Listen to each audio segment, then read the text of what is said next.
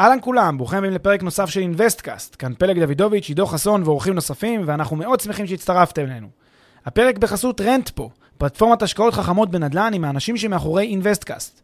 Rentpo מאפשרת לכם להשקיע בשקיפות וביעילות בנכסים מניבים, תוך ליווי וניהול מוקפד ומקצועי מקצה לקצה. היכנסו ל-rentpo.com, חפשו השקעה שמעניינת אתכם ותאמו איתנו פגישה דיגיטלית. בנוסף, לפני שנתחיל, נזמין אתכם להצטרף לקהילת המאזינים של Investcast בפייסבוק. חפשו Investcast בשורת החיפוש והצטרפו לקהילה. ועכשיו לפרק נוסף של Investcast.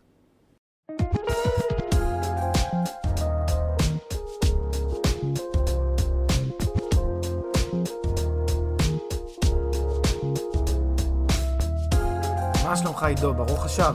ברוך השב, ברוך הנמצא, מה אומרים על ברוך השב אני לא ברוך, יודע. אני, כן, ברוך כן. השב, ברוך הנמצא. טוב, אז בפרק הראשון בסדרה הזאת, פרק 54 כאמור, דיברנו על חמש שאלות. אה, דירת יד ראשונה או שנייה, מרכז העיר או שכונות מעטפת, אה, דירה בבנייה או דירה מוכנה, דירה קטנה או גדולה, דירה איכותית או פחות. בואו נתחיל בריצה של היום עם אה, שאלה ראשונה מתוך חמש. איך אני יודע שהתשואה החזויה, שה... אתה יודע, שמספרים לי עליה, נאמנה למציאות? אה, ובואו נחלק את התשובה ל- לרכיב הפירותי ולרכיב ההוני. הרכיב הפירותי, כלומר התשואה השוטפת, הרכיב ההוני, כלומר ה-capital gains, והשאלה הזאת זו שאלה באמת מעניינת. אחד הדברים, אתה יודע, שאנשים אה, שמשקיעים אה, עושים כשהם מתחילים את הצעדים הראשונים, זה הם בדרך כלל יושבים, פוגשים כל מיני אנשים שמדבררים להם, מספרים להם על ההשקעה, ויש כאן מימד של הנגשת המידע הזה ומסירת המידע הזה למשקיע. עכשיו המשקיע בא, לא כל כך מבין, לא כל כך עושה את ה... לא תמיד יודע, לא תמיד עושה את הבדיקות, ועכשיו הוא צריך להשתכנע שהמספרים שאומרים לו הם באמת המספרים הנכונים. והרבה מאוד פעמים בגלל פער הידע הזה, זה מאוד מרתיע משקיעים, לא יודעים איך לבדוק, מה לבדוק, אז או שחלק מהם פשוט נותנים אמון עיוור במי שמספר להם, כי הוא דברר להם את זה נכון, או שהם אה, מוותרים לגמרי ולא נכנסים להשקעה. אבל אנחנו אומרים, אה, זה לא צריך להיות קשה לאף אחד לבדוק את הדברים האלה, ואנחנו חושבים שהבדיקה הזאת היא גם פשוטה וקצרה. לעניין הרכיב הפירותי, התשואה השוטפת, קל מאוד לבדוק אותה, למעשה, זה, זה, זה בדיחה עד כמה שקל. מה עושים? הנה כמה רעיונות פשוטים. הרעיון הכי בסיסי בעולם זה ללכת לאתרי היד 2 המקומיים בשוק הרלוונטי. אתם יכולים לשאול את מר אה, אה, משווק, מתווך, מנהל שעומד לפניכם, מה המספרים שהוא מכיר ובאיזה אתרים הוא בדק. ושייתן לכם רשימה של אתרים.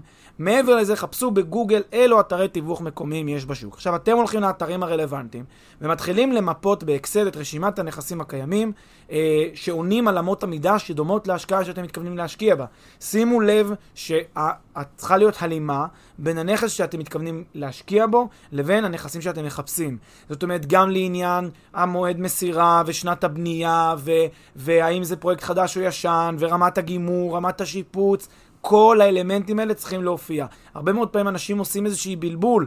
הם מסתכלים על נכס שהוא נכס לפני בנייה, לפני שהוא התחיל את הבנייה, ומשווים אותו לנכס שבכלל כבר אה, ש, ש, אה, רק הרגע נמסר. יהיה פער מחירים מאוד משמעותי בין נכס שהוא לקראת אה, אה, מסירה ולנכס שרק התחיל את הבנייה. אז צריך לשים לב, להבחין פה בין שני דברים שהם אותו דבר, לעשות את ההשוואה שהיא השוואה נכונה. כן, ואם אנחנו מדברים על אה, שכירות, אז פחות רלוונטי מתי, אה, אתה יודע, באיזה שלב של הבנייה זה נמצא, או שזה כבר דירה מוכנה, אלא השאלה היא מתי נבנתה הדירה. נניח שהדירה שמציעים לך היא דירה חדשה, שעתידה לצאת לשוק בעוד שנה, אז תחפש דירות מ-2017 וצפונה, כן? איזה משהו שהוא פחות או יותר באותו טווח אה, זמנים. דירה חדשה מול דירה חדשה, ישנה לגמרי, אתה. מדבר פה על דמי השכירות, אני התכוונתי באמת למחיר הרכישה של הנכס, אבל זה באמת היינו הך. למעשה, כן. בדמי השכירות אני צריך לחפש דמי שכירות של נכס שהוא דומה לנכס שאני באמת קונה אותו, ולמצוא את, ה- את, ההלימה הזאת. עכשיו, אני מציע אה, לעשות, אתה יודע, אה, כמה שיותר להגדיל את הסמפל, את המדגם שאתה בודק לפיו.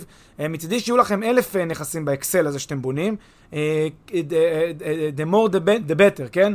ככל שתהיו יותר, אה, עם יותר אה, כלים, יותר מספרים, ככה תוכלו לבצע מספרי השוואה וממוצעים הרבה יותר מדויקים, אה, ולכן תיקחו אה, מדגם כמה שיותר רחב. אה, אתם תקבלו מהר מאוד את המושג על המספרים ותראו אם, ה, אם, ה, אם ההכנסה שמדברים איתכם עליה והתשואה הפירותית באמת משקפת את, ה, את המציאות. וכמובן הכל ב- בשים לב לגודל, למיקום, לראות, אה, כן, שוב, דירות שרלוונטי להשוות אותן לדירות שמוצעות לכם. אה, לגמרי, לגמרי. לגמרי. גם הייתי עושה עוד דבר שזה אה, עושה גם בדיקה יותר איכותנית מעבר לבדיקה הזאת של המדגמית.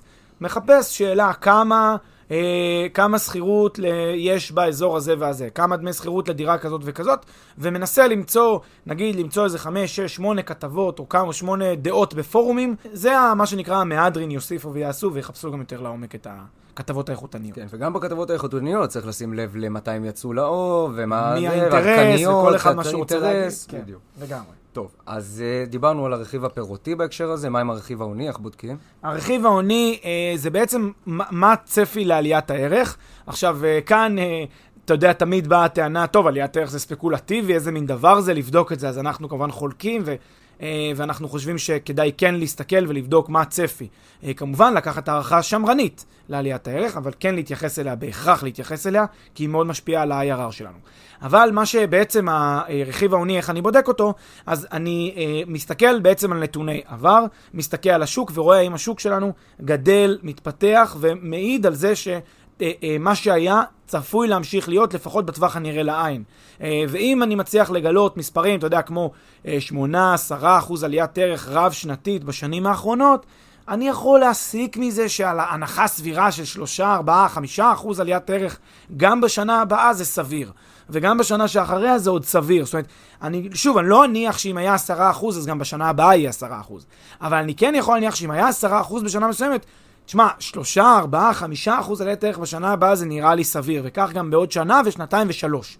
אז זה, זה הקו שאני חושב שללכת אליו. אם אתם רוצים להיות אפילו על ה... עוד יותר זהיר, קחו שלוש שנים ברצף עכשיו שלושה אחוז, ואתם אמורים להיות על הסייף סייד, ורק לוודא באמת שכשאומר לכם השוק עלה, השוק עלה, תבדקו את המספרים, קל מאוד לבדוק מה ה-housing price index עשה, זאת אומרת מדד מחירי הדירות אה, בשוק המקומי, מה הוא עשה, יש גם את המדד היותר אה, משמעותי שנקרא RPPI, שזה real property price index, שזה מדד שגם מתחשב אה, באלמנטים שקשורים ל...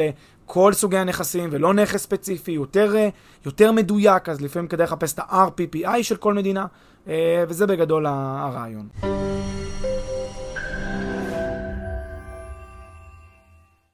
לפני שנמשיך, כמה שניות מזמנכם. הפרק בחסות Rentpo, פלטפורמת השקעות חכמות בנדל"ן עם האנשים שמאחורי Investcast. Rentpo מאפשרת לכם להשקיע בשקיפות וביעילות בנכסים מניבים, תוך ליווי וניהול מוקפד ומקצועי מקצה לקצה. היכנסו ל-rentpo.com, חפשו השקעה שמעניינת אתכם ותאמו איתנו פגישה דיגיטלית.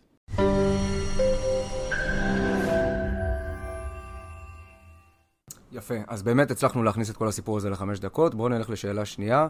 אה, אפשר להשקיע בדירה בחו"ל עם אה, חברים? התשובה היא, אפשר להשקיע בחו"ל אה, עם אה, חברים באותה דירה, ובואו נסביר רגע איך זה עובד. אה, דירה אה, היא נכס, נכס יכולים להחזיק בו בן אדם אחד, שניים, מאה.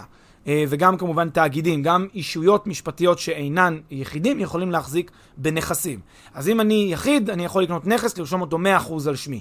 אם אנחנו זוג אה, נשוי, אנחנו יכולים לקנות את הנכס כזוג נשוי, לרכוש כל אחד 50% מהזכויות, וכל אחד מאיתנו רשום כבעלים ב-50% מהנכס. אם אנחנו שלושה חברים, חמישה חברים, שמונה חברים, אפשר לרכוש נכס גם שמונה חברים, וכל אחד יקבל שמינית משווי הנכס בטאבו. אה, זה יהיה הזכות שלו כזכות רשומה.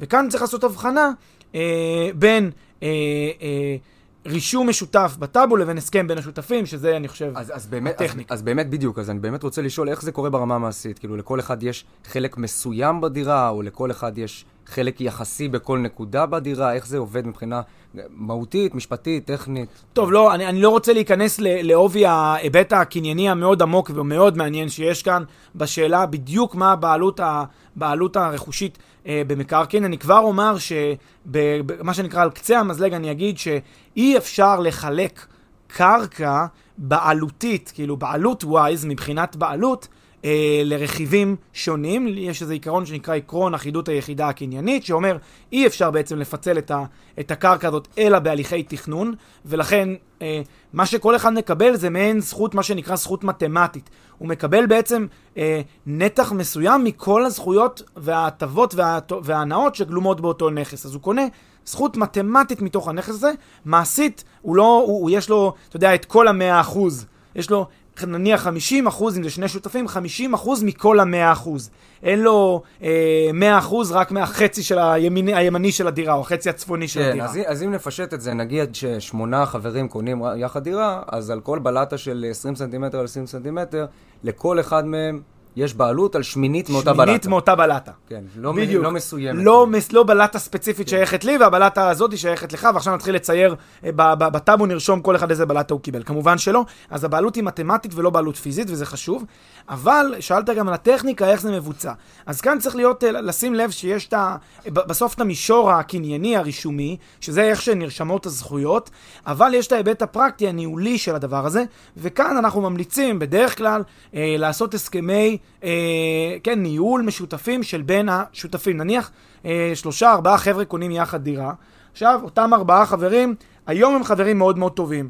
מי יודע מה יהיה עוד עשר שנים? אתה לא... אז, אז אנחנו אומרים בדרך כלל, כדאי מאוד מראש אה, לסדר את הדברים בצורה טובה. אגב, להסכמים, אפילו שזה נשמע, מה, אנחנו נעשה הסכם בינינו, להסכמים יש חשיבות כי היא גם מגנה על הצדדים. היא מגנה עליהם והיא מונעת ריבים בטווח הרחוק.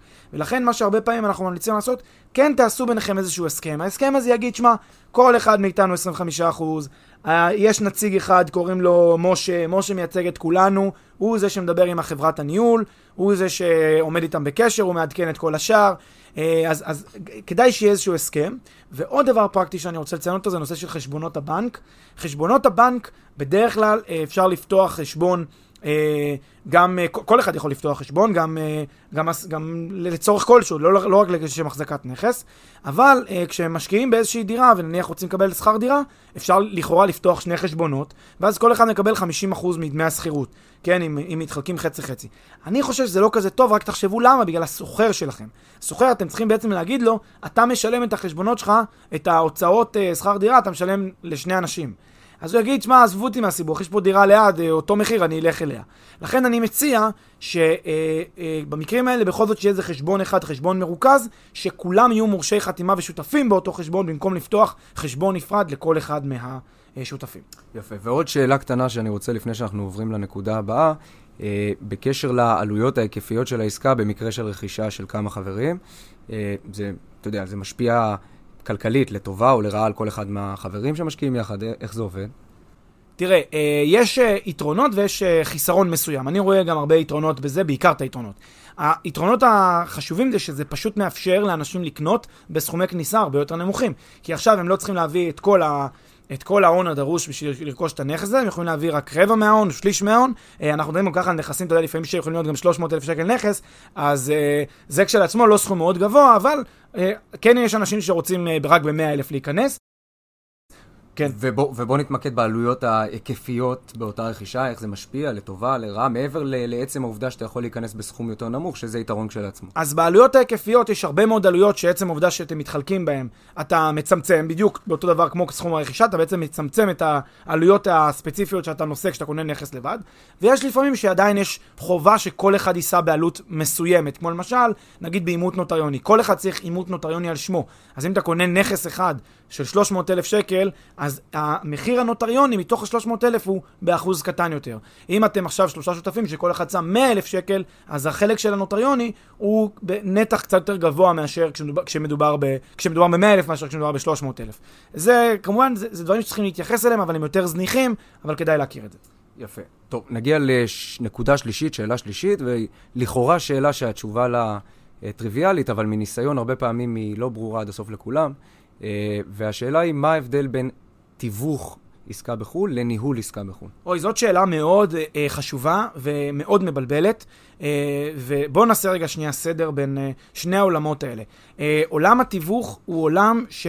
כל המהות שלו זה לחבר בין שני אנשים, לחבר בין קונה למוכר ולצאת מהתמונה. המתווך, בין אם הוא אקטיבי בשלב החיבור הזה ובין אם הוא פסיבי, יש גם מתווכים שהם נורא אקטיביים, נורא דוחפים, נורא, אתה יודע, מחברים את הידיים של שני השחקנים. יש, ויש מתווכים שהם יותר פסיביים כזה, מפגישים אתכם, ואם זה יוצא אז הם מקבלים איזושהי עמלה. אבל האופי של מתווך הוא לא מעורב. לא, לא, לא, הרבה פעמים לא במהלך המשא ומתן, וכמובן שלא לאחר החתימה. הוא יוצא מהתמונה. חברות ניהול זה בדיוק הפוך. חברות ניהול, הם, אפשר להגיד שהן מתחילות את העבודה שלהן כשהעסקה אה, אה, נחתמת. הם לא יוצאים מהתמונה, זה בדיוק הפוך. הם אלה שמתכללות את כל הדבר הזה, הם עושות את הסרוויס A to Z. אז מה שבעצם משקיע, אני חושב פסיבי, מחפש לעצמו, זה חברה שמתכללת לו את ה-A to Z. היא מעין כמו גם המתווך וגם חברת הניהול בעת ובעונה אחת. והיא בעצם לוקחת את, ה, את היד שלו, אומרת, שמע, אתה לא צריך להיות שם, אתה לא צריך לדאוג, אתה לא צריך לנהל את המשא ומתן, אתה לא צריך לדאוג לקבלת המפתח, לא צריך לדאוג לגמרים, לא צריך לדאוג למצוא שוכרים, לא צריך לדאוג לתחזוקה, הכל אנחנו עושים בשבילך מרחוק. אתה בגדול זה שיכול לקבל את ההחלטות על כל מה שקורה בנכס, זה נכס שלך ובבעלותך. אבל התפקיד שלנו כחברת הניהול היא לתת לך את הסרוויס הזה A to Z. עכשיו, ההבחנה הזאת מבלבלת הרבה אנשים, כי הרבה אנשים אומרים, מה, מתווך זה זה שמחבר uh, בין, uh, בין שני גורמים, אבל חשוב להבין, uh, עצם זה שיש גורם באמצע בין קונה לבין איזשהו מוכר, זה לא אומר, זה לא הופך אותו בהכרח רק למתווך. זאת הנקודה. גם, אה, אתה יודע, אה, אה, האנשים העשירים בעולם שאתם יכולים לחשוב עליהם, חברות הגדולות ביותר שאתם יכולים לחשוב עליהם, אתם לא מדמיינים אותם כמתווכים. קחו את eBay למשל, חברות ענק, הן לא מתווכות בין, בין קונים למוכרים רק, זה לא התפקיד שלהם. היום אתם משלמים ל eBay על service מאוד מאוד משומן היטב ומלוטש. זה הסיבה שאתם קונים ב eBay, בגלל אחד, אחד היתרונות של ה service שלהם, המחויבות שלהם להצלחה של המכירה הזאת. ואפילו תראו אה, פייסבוק, מתווכת בין אנשים, בין מצד אחד אה, אנשים שרוצים אה, לצרוך תכנים, מצד שני אנשים שיוצרים תכנים או כל מיני קומבינציות אחרות. אתה יכול להגיד מה, פייסבוק זה רק המתווך, אבל ברור לנו שזה ממש לא המצב. יש לה את כל ההבנה של איך להבנות את היצירה הזאת, איך ליצור את זה, איך לאפשר לך את זה מרחוק. זה מה שהופך חברה מחברת uh, תיווך לחברה שהיא ממש חברת תכלול, שעושה גם את התיווך, גם את הניהול, אנחנו מעדיפים לקרוא לזה A to Z Service. וכאן המקום, אתה יודע, להחמיא ולהגיד גם שזה בלב המודל של פרופדו, שזה השם החדש והמגניב שלנו, שזה בעצם מה שאנחנו עושים. יוצרים את אותו סרוויס A to Z, שבעצם לוקח משקיע שנמצא במדינה אחת, ומאפשר לו להשקיע כמעט effortless, כמעט ללא מעורבות. אה, לפחות, לפחות הוא, הוא תמיד יכול אופט-אין להיות מעורב כמה שהוא רוצה, כי זה נכס שלו. אבל הוא יכול להיות פסיבי, והדירה מנוהלת לו בצורה פדנטית ומקצוענית מאוד, בחו"ל, בשקט ובשלווה. יפה. שאלה רביעית, שכבר דנו בה במסגרת חלק מהפרקים, אבל אה, אולי נשים עליה את הדגש כזה חד וקצר ו- וחלק עכשיו, תקופת השקעה אידיאלית. כן, תקופת השקעה אידיאלית היא, אה, אני חושב, היא מאוד משתנה כתלות בשאלה אה, מה המודל העסקי של הפרויקט הספציפי מראה. אה, אני חושב שבאופן, אה, אם הייתי מנסה להגיד את התשובה הכללית, אז הייתי אומר, תקופת השקעה של 3 עד 5 שנים, זה התקופה הכי טובה שיכולה להיות, זה ברמה הכללית.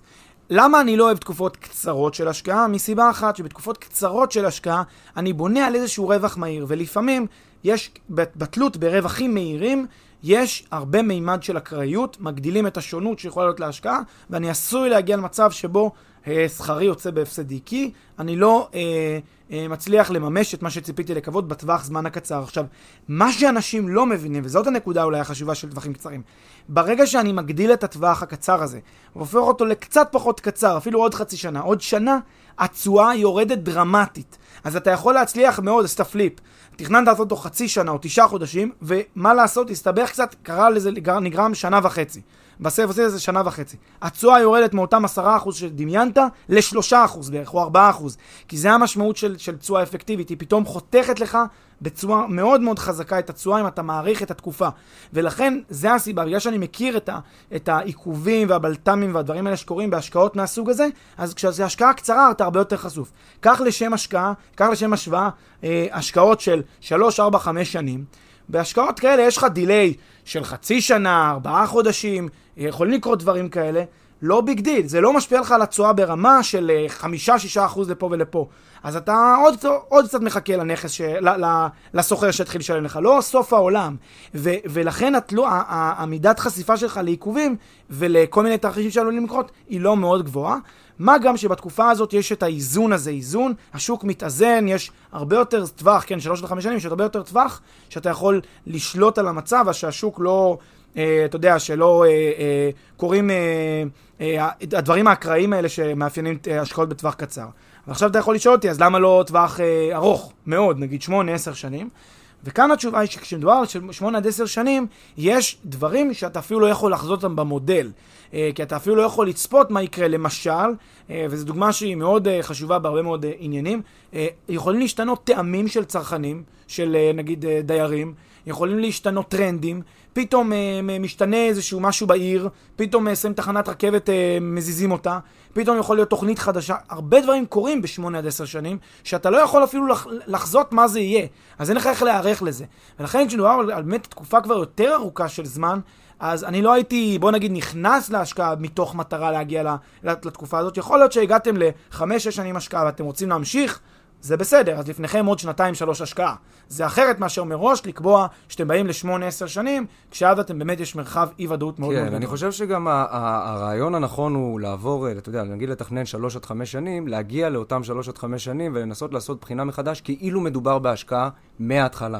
לגמרי. כל הזמן לבדוק את זה ביחס לאלטרנטיבה, ואז אם אתה רואה שגם בשלוש עד חמש שנים הבאות אתה צופה שהשוק יעשה יפה כמו שעשה עד היום, ושלא יתממשו סיכונים וכולי, תשאר בהשקעה. אם לא, תזיז לאפיק אחר. לגמרי, הנושא הזה של דינמיות וחשיבה דינמית ו-ongoing uh, estimation של המצב שלי, מאוד נכון, מאוד מסכים איתו, והוא גם רלוונטית להרבה עקרונות שאנחנו מדברים כאן. טוב, אז שאלה אה, אחרונה חביבה לסשן הזה, לסשן מספר 2, שאלה חמישית. איך משיגים מימון להשקעות נדל"ן בחו"ל? השאלה שאנחנו נשאלים, ואפילו שהקדשנו לה אה, איזשהו אה, חלקים מפרקים אה, לאחרונה, ובכלל אנחנו מדברים על זה לא מעט, זה כל כך נפוץ, שבואו נשים את זה גם בסשן 5 של 5 וניתן לזה את הבמה לשאלה החשובה הזאת. אז קודם כל, נחזור על הכלל הבסיסי לגבי מימון וכספים בכלל בחו"ל. קשה מאוד לקבל מימון בחו"ל, בחו"ל, כן? במדינה זרה, עבור השקעה במדינה זרה. Uh, התנאים לא אופטימליים, אם בכלל אפשר, וברוב המקומות אי אפשר, כי בנקים חוסמים את האפשרות הזאת.